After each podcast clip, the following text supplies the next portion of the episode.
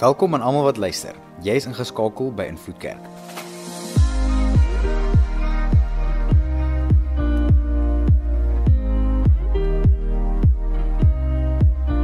Vir die volgende paar minute gaan jy luister na een van ons boodskappe. Ons glo en vertrou saam met jou dat jy die Here sal beleef daar waar jy is. Geniet dit.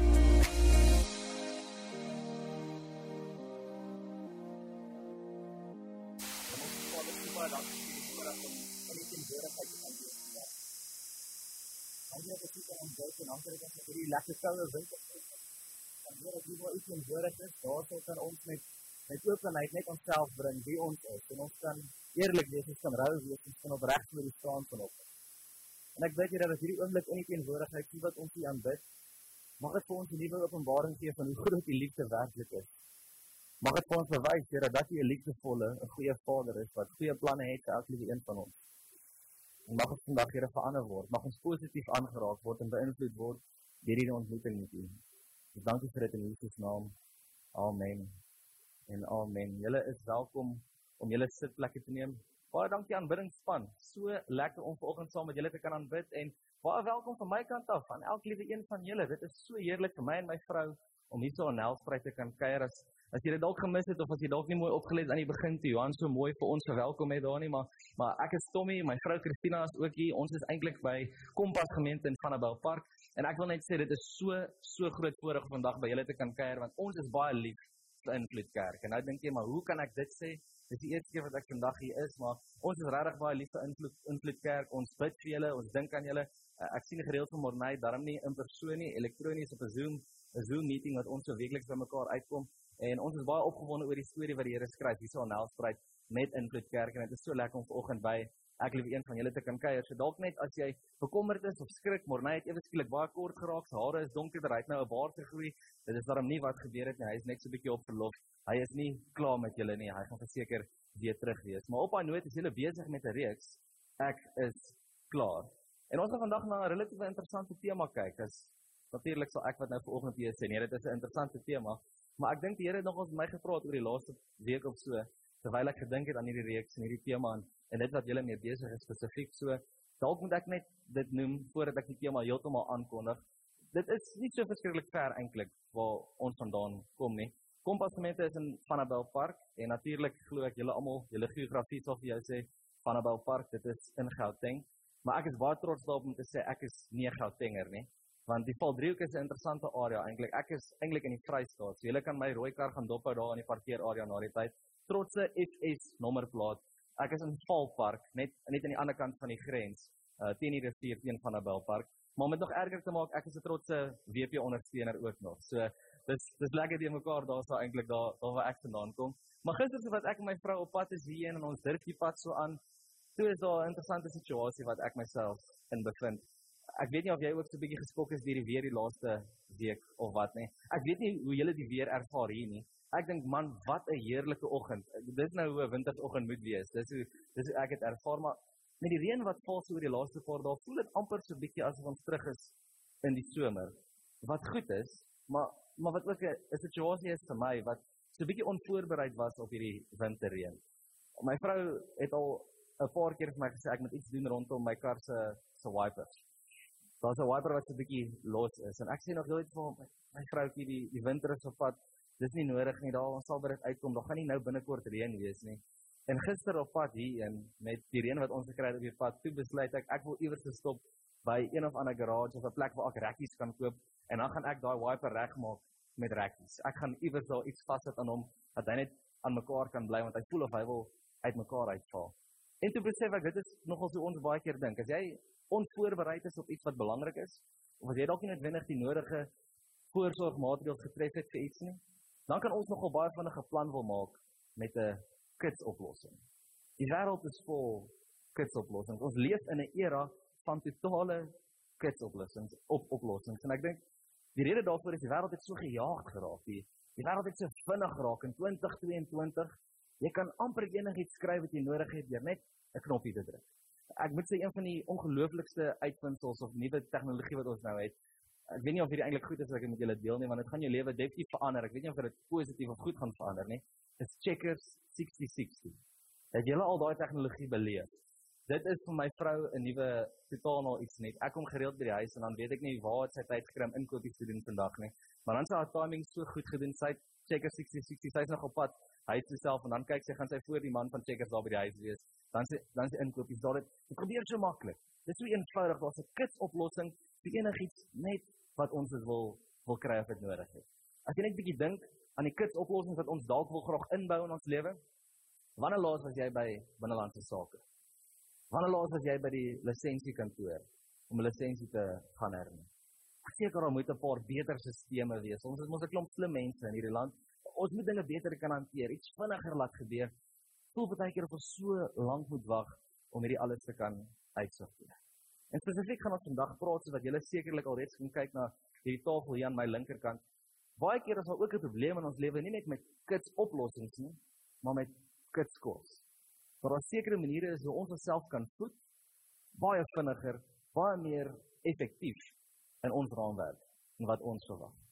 Want ek het 'n bietjie dink aan hierdie wêreld waarin ons nou woon en en dit wat ek myself mee besig hou in my lewe, hoe maklik dit is vir my en my vrou as sy dalk vergeet op 'n dag om checker 6060 te gebruik en en daar nie inkopies by die huis is nie. So maklik om te sê maar kom ons vat gefvinnig gerit deur die draai-thru. Kom ons gaan kry ietsie lekker om te eet. Kitskos, dit is dit is die oplossing vir vanaand. Toe begin ek net wonder in my lewe, hoeveel kits oplossings gebruik ek dalk vir geestelike uitdagings? Hoeveel keer is daar dalk 'n geestelike situasie in my lewe wat ek voel ek ek het so 'n bietjie 'n geestelike honger. Ek nodig om iets van die Here af te beleef of daar's een of ander tipe uitdaging in my lewe wat ek moet vul op 'n manier is, is 'n geestelike uitdaging. En dan spring ek voordat ek twee keer daar dink na 'n kits oplossing. Dink jy hartse realiteit is hierdie wêreld waarin ons woon wat so vol is van vinnige quick fixes, quick repairs, kits oplossings. Daar's net soveel van daai oplossings wat ons ook in 'n geestelike front opstel. En ek dink aan aan Jesus, hoe het hy dit gehanteer?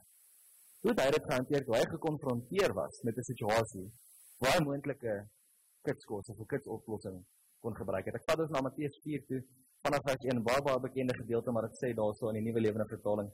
Daarop het die Gees Jesus die woestyn ingelei om deur die duiwel versoek te word. Nadat hy vir 40 dae en 40 nagte gevas het, het hy nader aan baie honger begin word. Toe kom die versoeker na hom toe en sê vir hom: "As jy dan die seun van God is, beveel hierdie klippe om brode te word. Maar Jesus het hom geantwoord: "Nee. Daar staan in die skrif geskryf: 'n Mens het meer as brood nodig om van te lewe. Wat jy eintlik nodig het, is om te leef van elke woord uit God se mond." Baie baie bekende gedeelte en ek weet julle weet waarskynlik ook die teksgedeelte gaan voort en die en die duiwel haar aan met versoek. Maar in hierdie kort 4 verse leer ek soveel waardevolle lewenslesse en ek wil net om te begin twee van hulle uitlig wat belangrik is vir ons almal se aandag vandag. Eerstens, wat ons sien in hierdie gedeelte, is die duiwel gaan my en jou altyd probeer versoek met 'n kitsoplossing. Ek weet nie hoe, hoe lyk die versoekings wat in jou lewe plaasvind nie. Die duiwel het my nog nooit kom versoek of kom tenteer met een of ander lang en uitgerekte en ingewikkelde en moeilike proses om 'n situasie op te los nie. Ek het onlangs net gepraat met 'n paar jong mense daar in ons gemeente en hulle Hulle almal is so dankbaar vir die vakansie wat aangebreek het. Hulle sê hulle is verskriklik vernuweer hierdie eksamen wat hulle wat hulle sopas gehad het. En dit dink ek net een van hulle noem daar op 'n stadium, weet jy Tommy, ek ek het so een Sondag aand voor ek die volgende oggend wiskunde moet skryf. Het die duiwel na my toe gekom en hy gesê, "Weet jy wat moet jy doen? Jy moet nou vanaand die heel aand lank hard lees. Doen oefeninge die hele aand deur. Sit soveel tyd en energie en doen soveel moeite as moontlik dat jy voorberei is en reg is vir môre se vraestel. Eh, dan dan sal jy goed doen. Dis ek wanneer ek sê dis nie dis nie wat die duiwel gesê het. Dis wat my ma vir my gesê het. Die die duiwel sal die duiwel sal jou nooit op daai manier versoek nie. Hoe gaan die duiwel jou kom versoek? Wanneer jy voor 'n uitdaging of 'n situasie is wat dalk miskien so vrees aan jou soos 'n wiskunde vraestel is vir 'n matriekleerling, die duiwel sê vir jou antwoord die tyd. Weet wat moet jy doen? Jy het rus nodig. Het nodig om vanaand net te relax. Wees kalm. Daar's soveel dinge wat aangaan in hierdie lewe.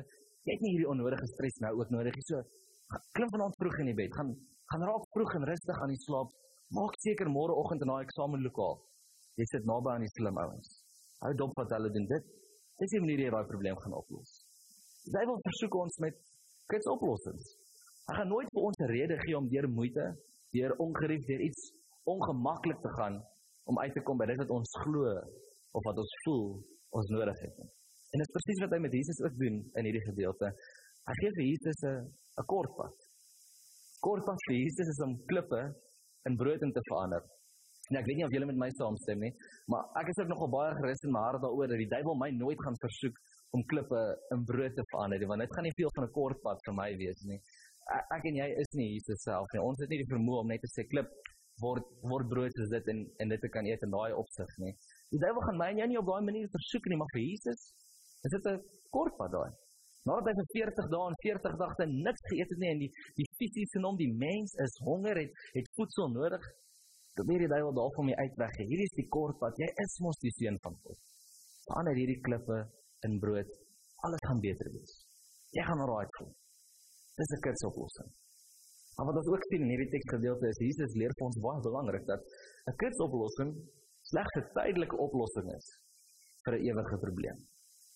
En wat help dit hy gebruik 'n kitsoplossing om 'n 'n probleem op te los wat eintlik baie dieper is as wat die duiwel hom probeer vertel. Sien, Jesus sê eintlik in hierdie gedeelte vir die duiwel op die mooi manier om te antwoord: "Nee, 'n mens het nie net brood nodig om van te leef nie, maar elke woord vanuit God se mond." Dit is waar ek en jy ons voeding kry. Dis waarvan af ek en jy eintlik moet leef. En hy sê daar vir die duiwel, weet jy wat, ek is nou fisies honger en ek kan hierdie klippe in brood verander. Sekerlik, ek kan dit doen. Ek het die vermoë. Maar wat gebeur môre? Môre is ek weer honger. Wat gebeur vanaand wanneer jy weer kom versoek want ek weet, weet jy is jy. Jy gaan net rus laat net nou en dan se gaan en klaar vir ewig nie. Die duiwel is die is die versoeker. Hy gaan kom met 'n versoeking en jy gaan môre weer honger wees. Jy gaan môre weer versoek word. Die oplossing is nie om in te gee raak vir die kits oplossing in daai tyd nie. Daar's 'n dieper probleem. Jesus leer vir ons dat elke liewe een van ons ons het hierdie leemte in ons midde. Ons het hierdie hierdie holle plekkie in ons in ons maag. Wat moet ek dit net sê so wat dit? Ons het hierdie holle plekkie in ons gees.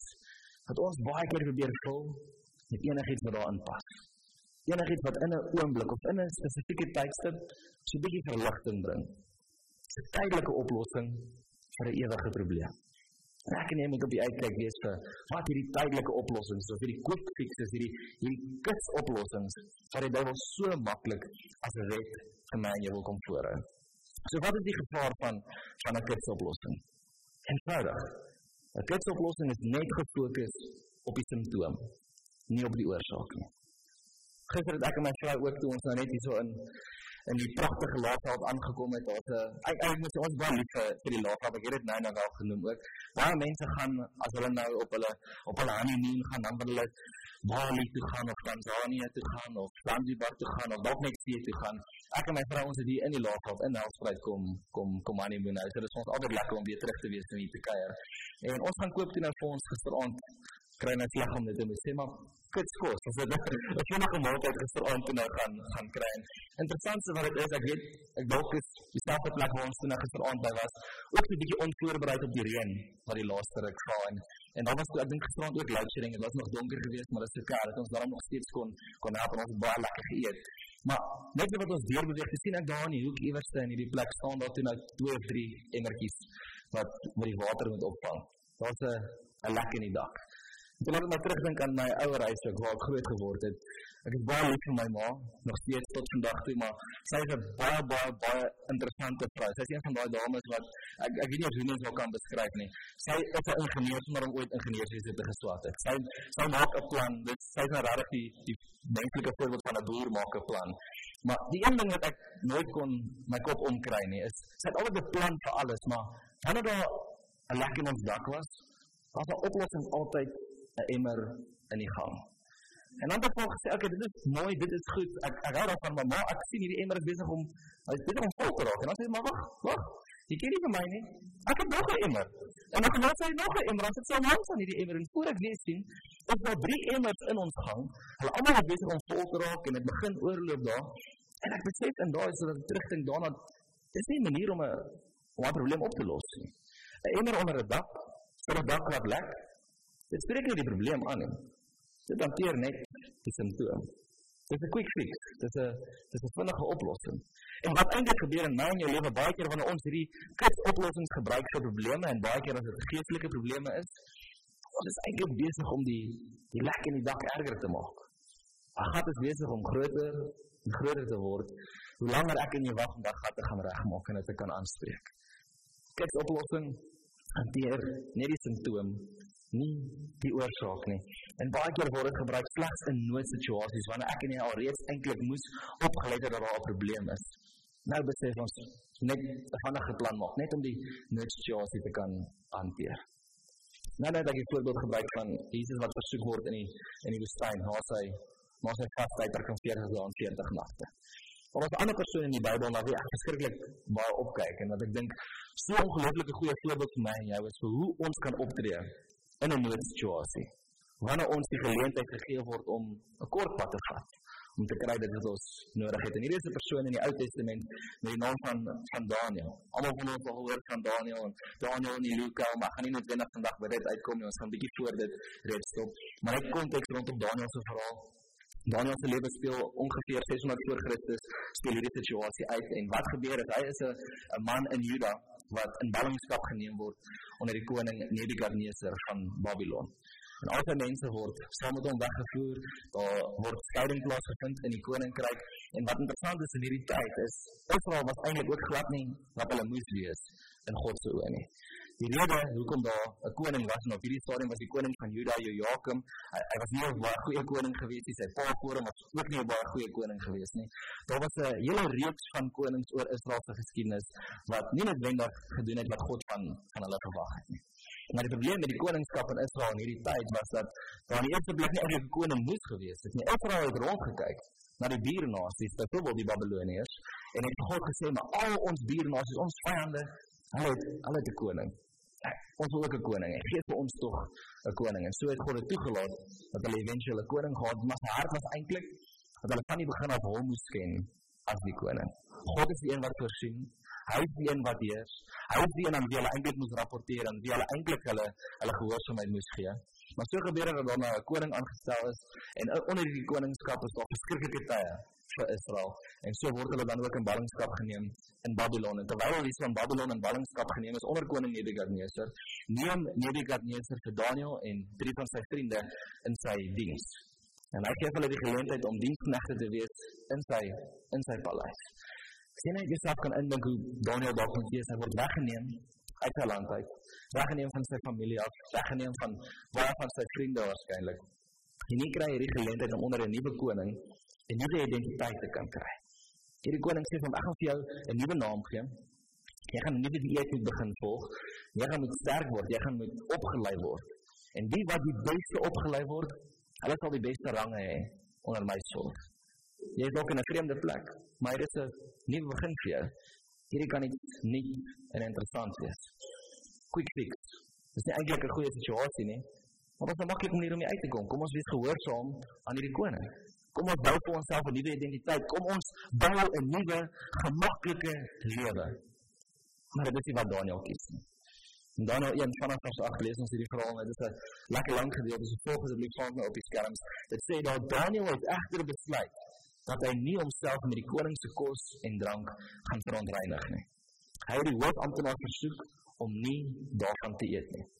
Net belangrik dat vir ons kennisname hê. Die rede hoekom Daniel homself nie wou vereenselwig met die koning se kos en daarmee homself verontreinig nie, is hierdie kos wat aangegee was vir hom wat koning Nebukadneser aangebied het. Dit was kos wat geoffer is vir ander gode, afgode wat nie die ware God is nie. En in 'n oomblik sê Daniel, nee, Hierdie is nie wat God vir my verwag nie. Uh, interessant ook, hierdie kos wat geoffer is aan die afgode, dit was amper altyd van die beste gehalte. Dit was kwaliteit kos. Dit was nie sommer net 'n vinnige maaltyd wat aan mekaar geslaan is nie. Hierdie was goeie voeding met goeie voedingswaarde wat gemaak was en, en spesifiek uitgesit is daar om hierdie jong manne sterk te maak en flink te maak om hulle goeie voeding te gee. Daniel sê nee daarvoor omdat dit geoffer is aan gode wat nie sy eie is nie. God het gemaak dat die hoofamptenaar van Daniel hou en hom goedgesind is. Hy het egter vir Daniel gesê: "Ek is bang vir die koning. Hy het bepaal dat julle hierdie kos en drank moet gebruik. As hy sien dat julle nie so goed lyk soos die ander van julle ouderdom nie, gaan julle my kop laat rol by die koning." Daniel het vir die persoon onder wie se sorg die hoofamptenaar Daniel, Hanania, Misael en Asaria geplaas het gesê: "Toets tog die dienaars vir 10 dae lank gee ons net groente om te eet en water om te drink. Kyk dan na 10 dae hoe ons voorkoms vergelyk met die jong manne wat wel die koning se kos eet. U kan dan besluit om met die dienaars te maak soos u goed dink. Hy het met Daniel ooreengekom en hulle 10 dae lank op die proef gestel. Aan die einde van die 10 dae het Daniel hulle beter en gesonder gelyk as die jong manne wat die koning se kos geëet het. Daarom het die amptenaar hulle vrygestel van die koning se kos en drank. Hy het vir hulle groente gegee om te eet.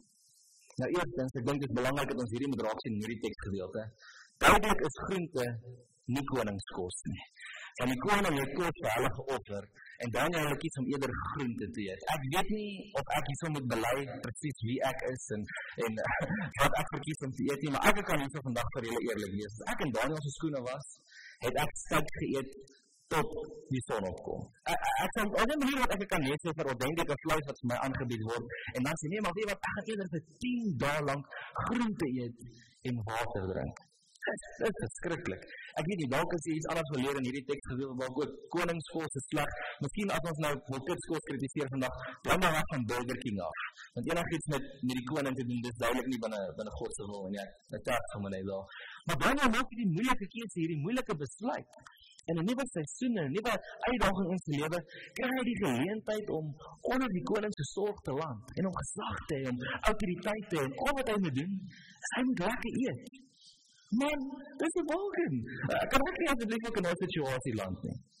En dan ja, besef in daai oomblik dat hy besig is met iets wat nie binne God se wil is, hy sal eerder deur die ongerief gaan, deur die deur die ongemaklikheid ons vir 10 dae lank.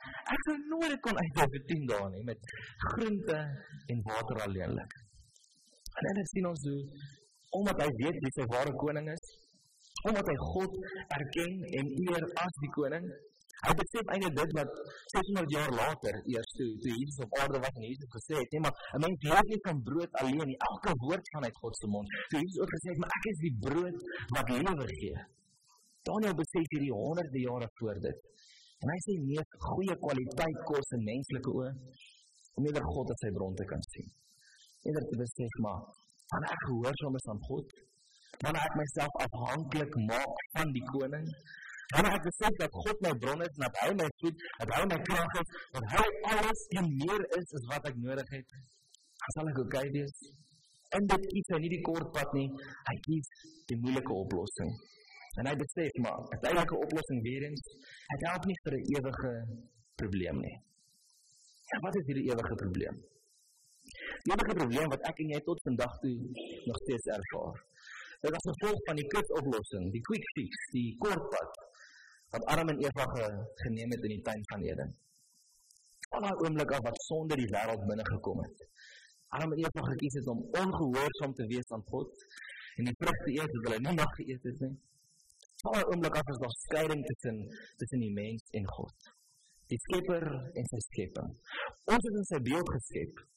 Maar ons leef nie meer in dieselfde verhouding met hom as wat Adam en Eva geniet het in die tuin van Eden nie. As ons lees in die skrif hoe dit gelyk het, God het saam met hulle in die tuin gewandel. Dit, dit was paradys geweest, paradys op aarde, die perfekte verhouding tussen God en sy skepping. En die oomblik die sonde in die prentjie kom, die oomblik toe daai kits oplossing gekies is, van daar af is daar skeiding tussen ons en die Vader. Van daar af is daar leemte, daai holkom in ons gees of in ons maag, daar bestaan dit en God se hart reg van die begin van die skepping af is om dit weer te herstel. God as 'n liefdevolle Vader wou nog van daai oomblik af weer uitreik na sy skepping en sê maar ken my as jou Vader. Eer my as jou Vader. sien my as jou koning, sien my as jou bron. Laat my in. Mag my deel van jou lewe. Dis hoekom hy Jesus gestuur het. Dis hoekom God self vlees aangeneem het en mens geword het om saam met ons weet te kom wandel hier op aarde. Dat hy vir ewig en altyd daai verhouding kom herstel. Wat gebreek is in die tuin van Eden. Dit is God se hart om om 'n verhouding met ons te kan staan.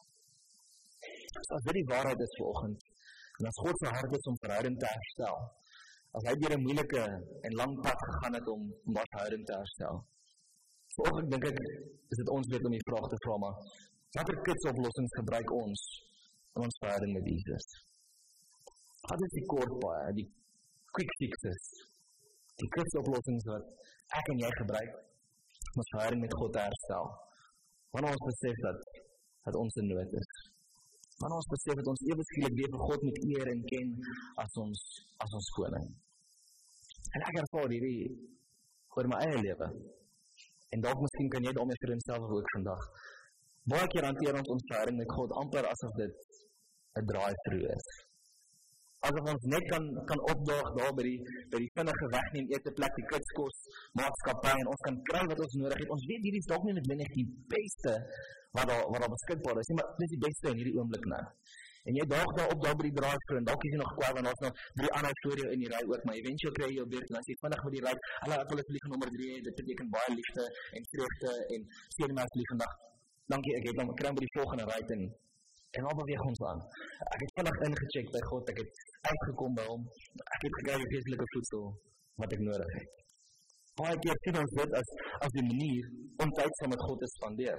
En dan besef jy dat iewers in die middel van die dag, ek weet nie hoeveel keer het jy al deur 'n besige dag gegaan, 'n besige skedule. En dan kyk jy op jou lys en sien jy my griep, dit is al dit is al dit is al 12 uur, dit is al 1 uur. Ek het nog nie eens geëet vandag nie.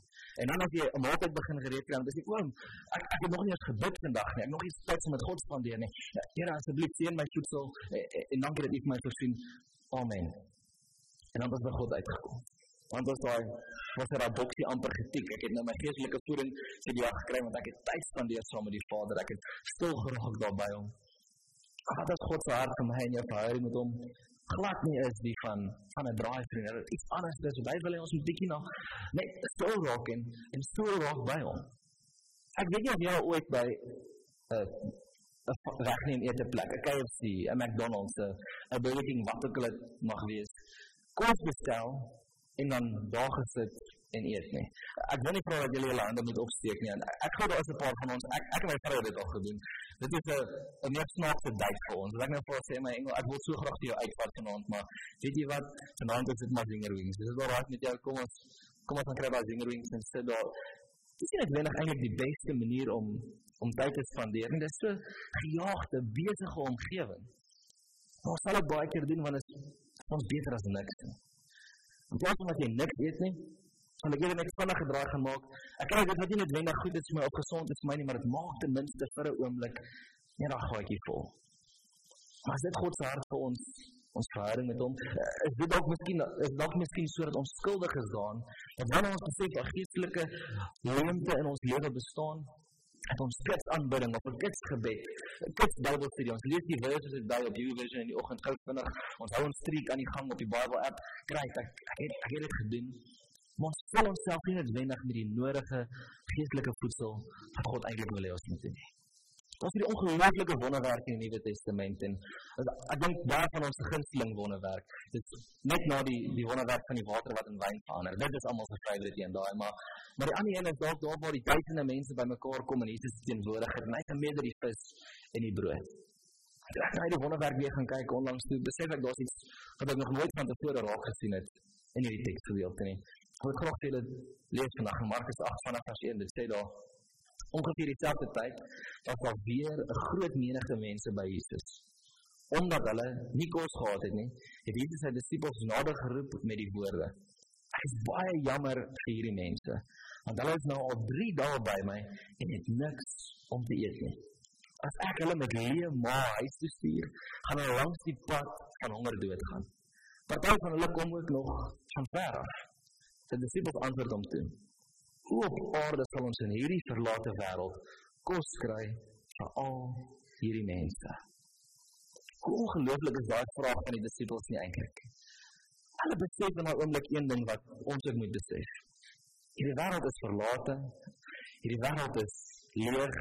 Hierdie wêreld is pragtig en baie baie mooi, maar selfs hier in die laafveld, hierdie wêreld kan kan my jou nie vervul nie. Dit kan nie vir ons gee wat ons werklik nodig het. En die disippels besef dit. Hulle vergeet dan oomblik dat hulle ook in die teenwoordigheid staan, in die midde staan van die een wat voorsien. Die een wat die ware bron is.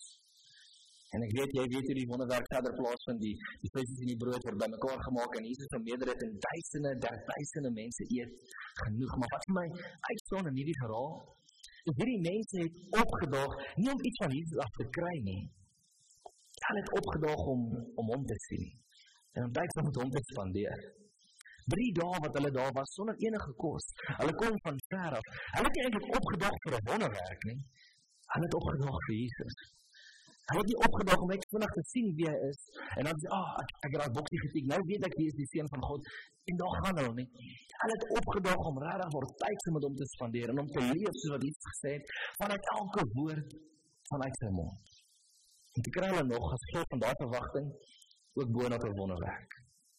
En kap van bidding vinnige worship, vinnige Bybelstudie, vinnige gebedjie hier en daar, ook genoeg om my en jou gewete te sis, maar dit kan nie eintlik ons gees vervul nie gee vir ons die voedingsware wat nodig is om in ons verhouding met die Vader soos wat hy dit beplan en wat hy dit bestem het van die begin af selfs vanuit die tuin van Eden af. Gee vir ons wat ons nodig het om in ons verhouding met hom te kan leef nie. So vanoggend wil wil ek eintlik hierdie vraag vra. En vir elkeen van ons die geleentheid gee om so 'n bietjie introspeksie te doen dalk net in ons eie lewens net. Spandeer jy tyd saam met Jesus om iets van hom te kry? Of spandeer jy tyd saam met hom om hom te leer ken? Spandeer die tyd saam met hom om net weer daai verhouding te kan herstel.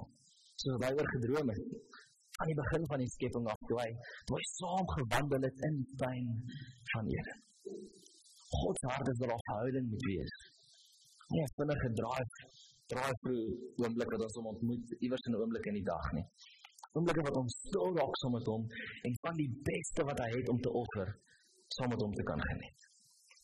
Soos julle kan sien op hierdie tafel hier, hier links van my, is daar feesmaal voorberei en man, ek is baie opgewonde. Ek is baie bederf. Dankie vir almal wat betrokke was hier by dit. Dit is amazing. Hierdie gaan nou uh, jy moet nou net verskoon as ek so 'n bietjie my aandag ek sien dat koeks is. Dit beteken die Here is baie lief vir Afrikaners. Amen daarvoor. Dit is ongelooflike nuus. Maar ek dink aan hierdie hierdie prentjie van die feesmaal en 'n tafel wat voorberei is. En ek besef dat een van die persone wat die skrif van praat wat in 'n verhouding met God geleef het, weer eens soos soos baie baie min ander, is koning Dawid gewees. Die koning wat wel geweet het wie God was en hom geëer het. En hy het gepraat oor sy verhouding met God en ek weet dit is 'n baie bekende gedeelte, maar ek wil graag vir julle lees ook net weer vandag in in Psalm 23. Luister net hoe Dawid hierdie uitbeeld, hoe hy dit verduidelik, die, die woorde wat hy gebruik om sy verhouding met God te beskryf. Psalm 23 sê dit: "Die Here is my herder niks van my ontbreek nie. Hy laat my neerlê in groen weivelde. Na waters waar rus is, lei hy my in. Hy verkoop my siel. Hy lei my in die spore van geregtigheid om sy naam ontwil. Gaan ek ook in 'n dal van doodskaduwee, ek sal geen onheil vrees nie, want U is met my. U stok en U staf, dit vertroos my. U berei die tafel voor my aangesig teenoor my teestanders. 'n Ander teksgedeelte of ander vertaling praat daarvan 'n feesmaal wat voorberei word. U maak my hoof vet met olie. My beker loop oor. Net goedheid en guns sal my volg al die dae van my lewe. En ek sal in die huis van die Here bly in lengte van dae. Ek weet nie van jou nie, maar as ek as ek net luister na hierdie woorde van Dawid en hoe hy beskryf God wil 'n tafel voorberei te midde van sy teestanders en in die middel van die omstandighede, in die middel van 'n besige gejaagde lewe waar daar geestelike aanvalle is en dan daar dinge is wat moet gebeur. En ervaar ek hoe Dawid eintlik net hierso besef dat God is 'n God wat beskikbaar is. Hy staan homself beskikbaar. Hy hy hy dek 'n tafel vir ons. Die God van die hemel is die een wat ons bedien. Hoe op aarde kan dit dan wees? En dan is ons baie keer besig om te kom stil raak en net te kom sit by hierdie tafel. Ek weet nie hoeveel keer ek dit dalk al deur 'n dag gegaan en dan besef jy nee maar God het iets vir my te offer. Dan is jy bereid om op te daag, maar dan dan sê eendag ek daar soveel goed moet gebeur. Ek het 'n plek waar ek kan ek net hier so 'n paar dinge laai. Wat nou is groot kry ek bietjie van hierdie o, oh, lemoen ek hou daarvan. Ek sê vir die pad, ja, skiet ek ek sou graag wil sit en bly maar ek moet moet gaan en dan kan ons verdwyn. En eintlik is God se hart net maar leer my ken kom kom sit saam met my aan my tafel. Ek wil aan my tafel. Ek wil hê dat jy moet dat jy moet sit en dat ons kan praat en ja, daar's 'n feesmaal wat voorberei is, maar maar dit gaan nie daaroor nie. Dit gaan oor die verhouding wat gebou word hier by hierdie tafel. Die tafel is vandag dis dis 'n metafoor. Dit is 'n simbool. Jou tafel kan dalk net die spesifieke plek wees waar jy by God uitkom. Die plek waar jy tyd spandeer saam met hom. Miskien miskien selfs ag jy in die kerk hierdie spasie as as jou tafel. Ek wil vandag vir jou vra, moet jy asseblief net dink as jy Sondag na Sondag opdaag en jy het 'n uur lange afspraak met God en as jy vir 'n uur lank aan hierdie tafel sit, dan dit beteken jy is waar jy moet wees.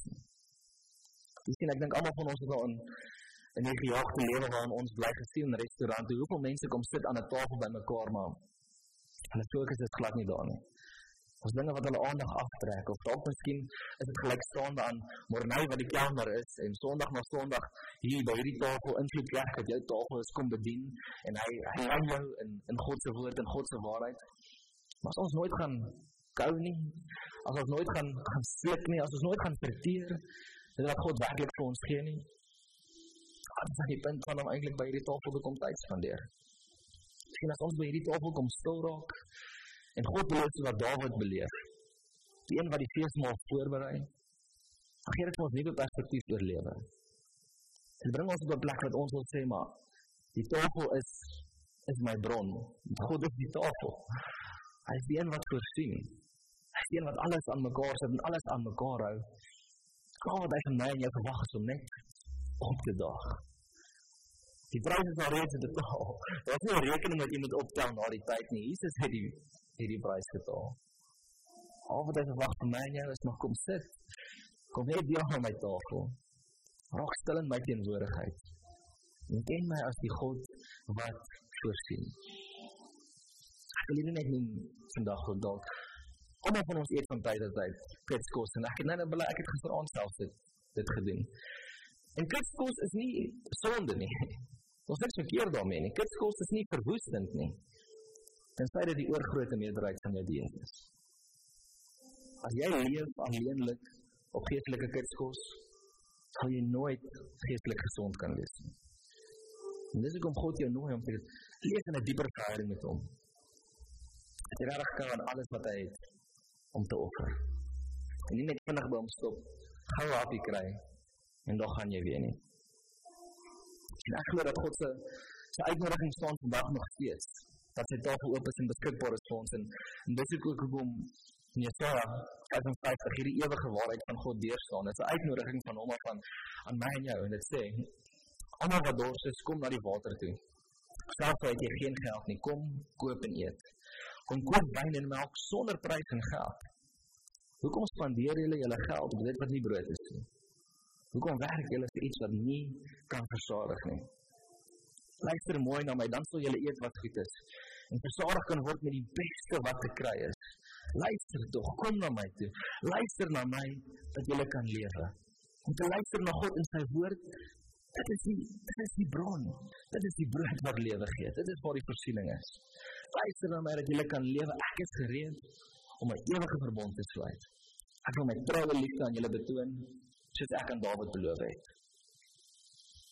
Op ons hierdie vraag, maar hoekom spandeer jy jouself, jou tyd, jou waardevolste kommoditeit, alles waarvoor jy swaar werk, net op dinge wat jy nie eintlik kan vervul nie. Wil nie sien dat my arms oop is nie. Wil nie sien dat die tafel reeds gedek is en daar's 'n feesmaal voorberei. Daag asseblief op vir dit. So volgens wil ek wil ek eintlik net met die drukking van die Heilige Gees op my hart of of dit wat die Here aan my openbaar, elkeen van ons aanspoor en vra maar moenie 'n tydelike oplossing gebruik vir ewige probleme nie. Moenie wanneer jy voel dinge is geestelik so bietjie de mekaar, dinge is geestelik so bietjie moeilik, dink dit is genoeg om net vinnig hierdie draad toe te gaan en by God uit te kom nie. En weer eens, daar's niks verkeerd met dit nie. Maar dit kan nie ons primêre bron van voedsel wees daai nie. Ek en jy moet stil raak in die teenwoordigheid van die Vader. Verhouding met hom bou. Hom leer ken want dit is dit is waar die ware bron is. Kom ons sluit en dan bid ek vir ons. Hemelse Vader, so baie dankie vir hierdie wonderlike voorreg vandag om net weer hierdie hierdie eenvoudige waarheid in ons harte te kan herbind, Here. U is God wat voorsien. Here, ek besef dat ons of dat dat ons nie vanoggend dit ligtelik sal opneem of dat ons nie net vergeet wat die implikasies daarvan is Here dag na dag, elke liewe nuwe môre, elke keer as die son opkom en ons ons oë oopmaak, Here, is die genade nie vir ons, is die liefde nie vir ons. Elke liewe oggend het jy 'n nuwe tafel gedek vir ons, Here. Ek bid dat ons sal tyd maak om by U uit te kom en en tyd saam met U te spandeer. Ek bid dat ons onsself nie sal sal sal sal voel of sal voel met kitskos en dink dit is genoeg om van te oorleef nie. En dan mag ons weet U is die brood wat lewe gee. U is die enigste wat ons kan vervul. En ek bid dat ons dit sal regkry in ons besige lewens en ons besige skedules hier om tyd te maak vir vir U en vir die tafel. Mag ons besef hoe wonderlik die voorreg is hier om in 'n verhouding met U te kan leef. Ons net kan stil raak en eerlik wees en opreg wees net net saam met U aan die tafel. Dankie dat U ons God is. Dankie dat U ons koning is. En dankie dat ons hierdie verhouding met U kan leef, Here, nie uit onsself uit nie, maar uit U genade, uit U liefde en uit U voorsiening. Dankie vir dit in Jesus naam. Amen. En amen. Dankie dat jy tyd geneem het om na die boodskap te luister.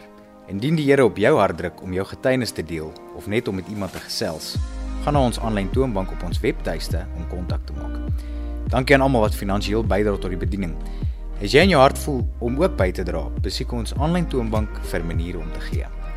By Invloed Kerk skep ons veilige spasies waarin jy die Here kan beleef, voel jy behoort en jou wêreld kan beïnvloed.